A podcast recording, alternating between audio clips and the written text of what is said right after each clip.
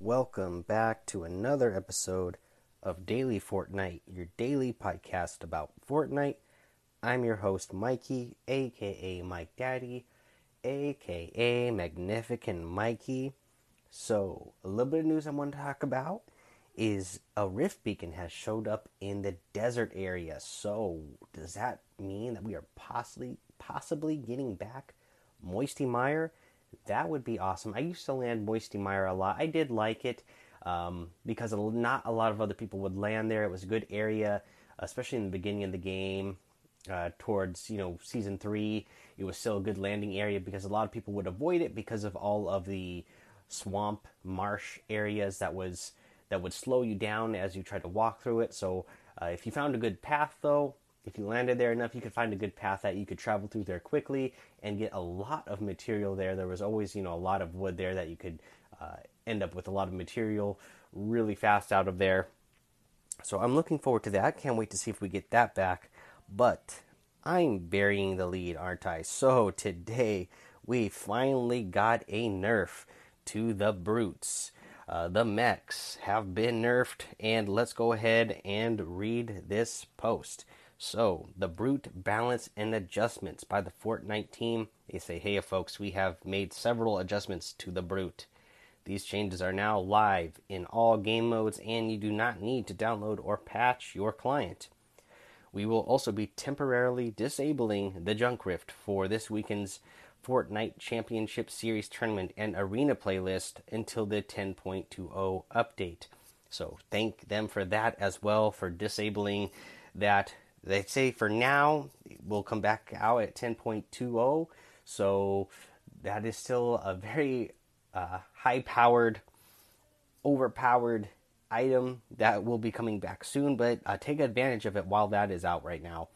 Uh, so here is the changes. Brute. Decrease the maximum amount of rockets fired by the Brute in a single charge from 10 to 6. So that right there makes a big difference. Four less rockets that it can shoot at a maximum. They decrease the rate at which the rockets are fired from the Brute by 50, 56%. Our goal with these changes is to increase the back and forth between the users of the Brute and the players they face. These changes allow the players on the receiving end of the missile volley to have more time to react and protect themselves. So, with that much time being added on between when the brutes can shoot the rockets, that actually does make a really big difference.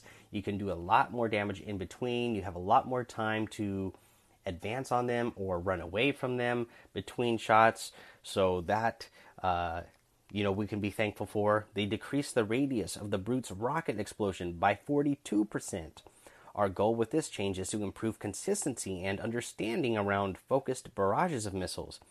Brutes will continue to be a strong option against structures, but less lethal against players.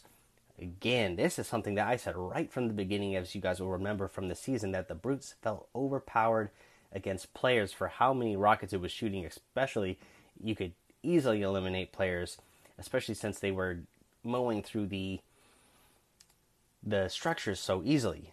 And I said that I believe that they could keep the structural damage, but they should nerf the player damage, and that is uh, what they've done sort of by reducing the area of splash so that the missiles have to be closer to you to hit.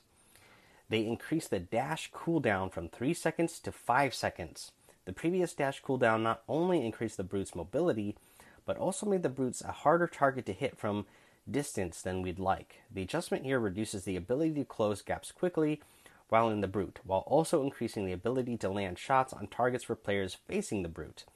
Again, this is another thing I said right from the beginning that it was the movement of this thing was overpowered. It seemed like it closed gaps so fast that you didn't have a chance to react and do damage to this thing because it would be right on top of you in no time and they could be stomping on you and then switching to shooting missiles in no time. Well, this is at least they've done a cooldown for this it's two seconds that which can make actually quite a bit of difference in how much damage you can do in two seconds with depending on what kind of weapon you have. I would like to see that maybe added even a little bit more in the future, but for now that's a pretty good uh, starting point. They decrease the velocity gain from boosting while in the air by 33%.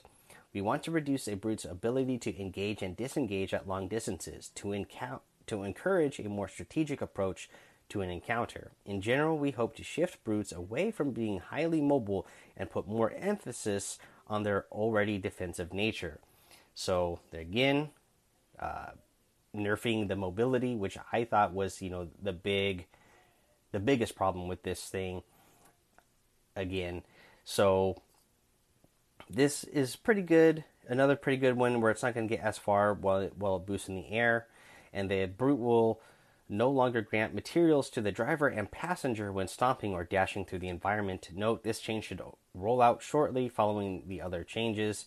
Our goal is to add more tension between being an in and out of a brute, as well as reduce instances where players can farm faster than intended without exposing themselves to danger.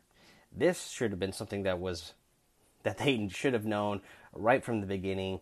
Uh, we saw this with they already saw this with the Infinity Blade that if, you know if you are harvesting materials for free without having to you know have any danger for picking them up, then not only are are you in an overpowered vehicle, but then you're also getting materials on top of it. So once it's destroyed, you're at max materials. So at least they did that. So if you want to get those materials now, you actually have to get out of the brute to pick them up. So that will actually make a big difference as well because that player will have to expose themselves even for just a little bit.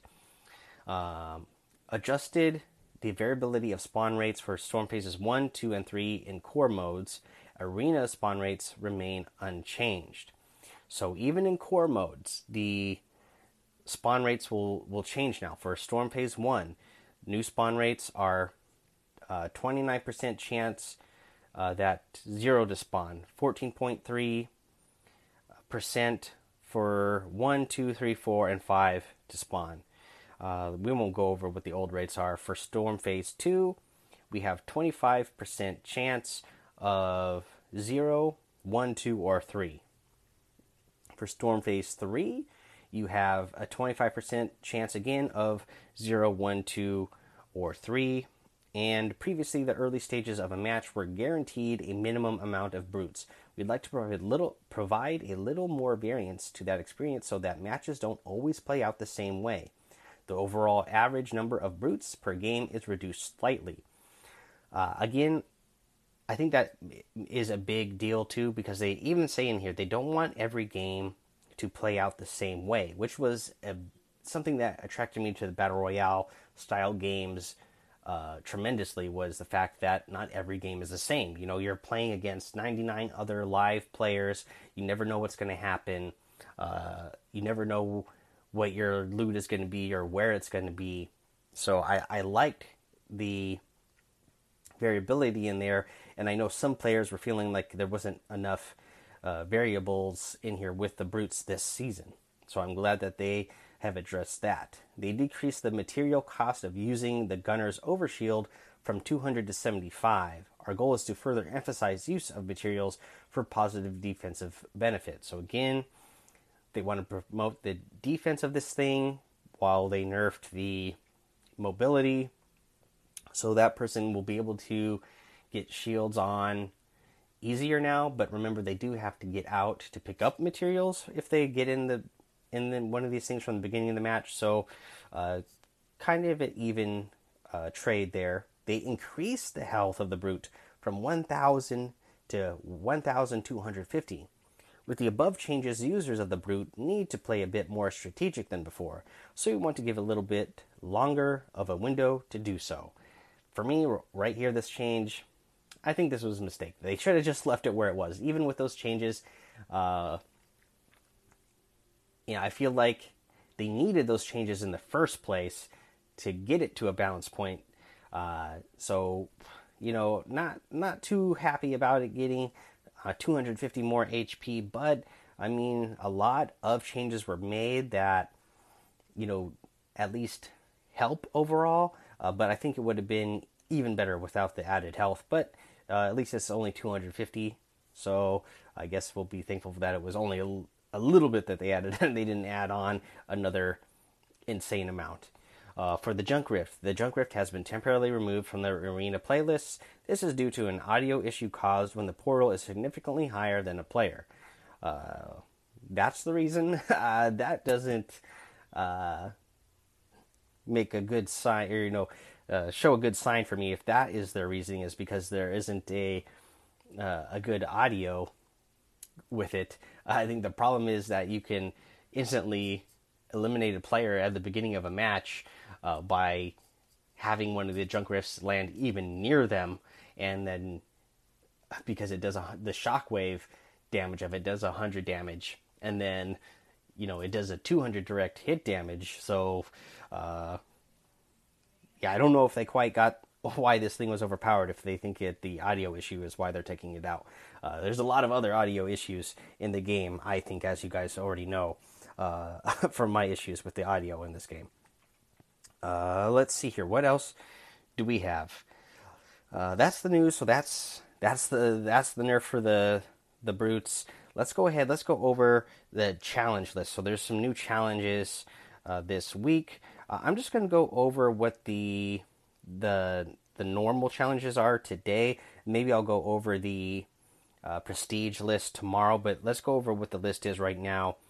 Landed a hotspot in different matches, three total. Search two chests within 30 seconds of each other. Uh, pick up a legendary item in different matches, two different matches. Deal damage to opponents at hotspots 200. Search a chest within 60 seconds after landing from the battle bus. Uh, let's see here. Search a supply drop within 10 seconds of it landing and deal damage within 30 seconds of using a launch pad. Alrighty, guys, that's the normal playlist. So uh, we'll go over tips on how to get these done the rest of the week, but they seem pretty easy. Let's go ahead, take a break here. We'll come back, we'll go over the item shop and a tip of the day as well. Alrighty, in the item shop today, we got some good stuff again. Uh, from yesterday, we have the Corrupted Voyager outfit and the Corrupted Wrap. But today, we get the Major Lazer outfit. Gotta love this. Major Lazer, another one of those really cool uh, electronic music bands out there. They also have the Laser Axe harvesting tool in the item shop today. That is a really cool harvesting tool. They have the Accolades emote, the Laser Blast emote, Bigfoot outfit, the Prickly Patroller outfit, and a couple new awesome music for your lobby. They have the default fire and the default vibe uh, music. Those are really cool. Uh, you know, Major Lazer uh, music stuff to have in your lobby. So that's all really good items that we have in the item shop today. If you're going to get any of those items, I'd really appreciate it if you use that creator code Mike Daddy M M M I K E D A D D Y in the item shop, as it does help support the show. And for our tip of the day, uh, since we got a bunch of nerfs to the mobility of the mechs and it has less missiles now, uh, you know, again, I, I haven't been having too much of a problem. I don't run into them too often. When I do, I haven't had a huge problem against them. Maybe I'm just getting lucky against the people who happen to be using them. But even now, so more than ever, you should have an easier time of closing the distance yourself on these. And this is if you're playing solos. If you're playing duos, trios, or squads, not so much because you'll they'll probably have a driver and a uh, and a gunner in there, as well as if you're playing trios or squads, they will have partners outside of the mech protecting it. But if you're playing solos, you should be able to run up on these things even easier, being able to protect yourself, and it not being able to close the distance on you to stomp, and not being able to uh, run away too quick. You should be able to close the distance, keep yourself safe, and run up on these things, jump yourself in there into the driver's seat, and detonate these things uh, that's what I've done a couple times myself tonight since they made the change. So I think you guys can do it too. Uh, and, you know, not only are you, you know, doing a really cool move of eliminating a a mech, but the fact is that you are destroying the mech, so that's one less mech that's going to be in the match and increasing your chances of getting a win towards the end. Alrighty, guys, that is the end of the episode. So go join the Daily Fortnite Discord. Follow me over on Twitch and YouTube. Head over to Apple Podcasts. Leave a five star rating and written review for a shout out on the show. Subscribe so you don't miss an episode. And until next time, have fun, be safe, and don't get lost in the storm.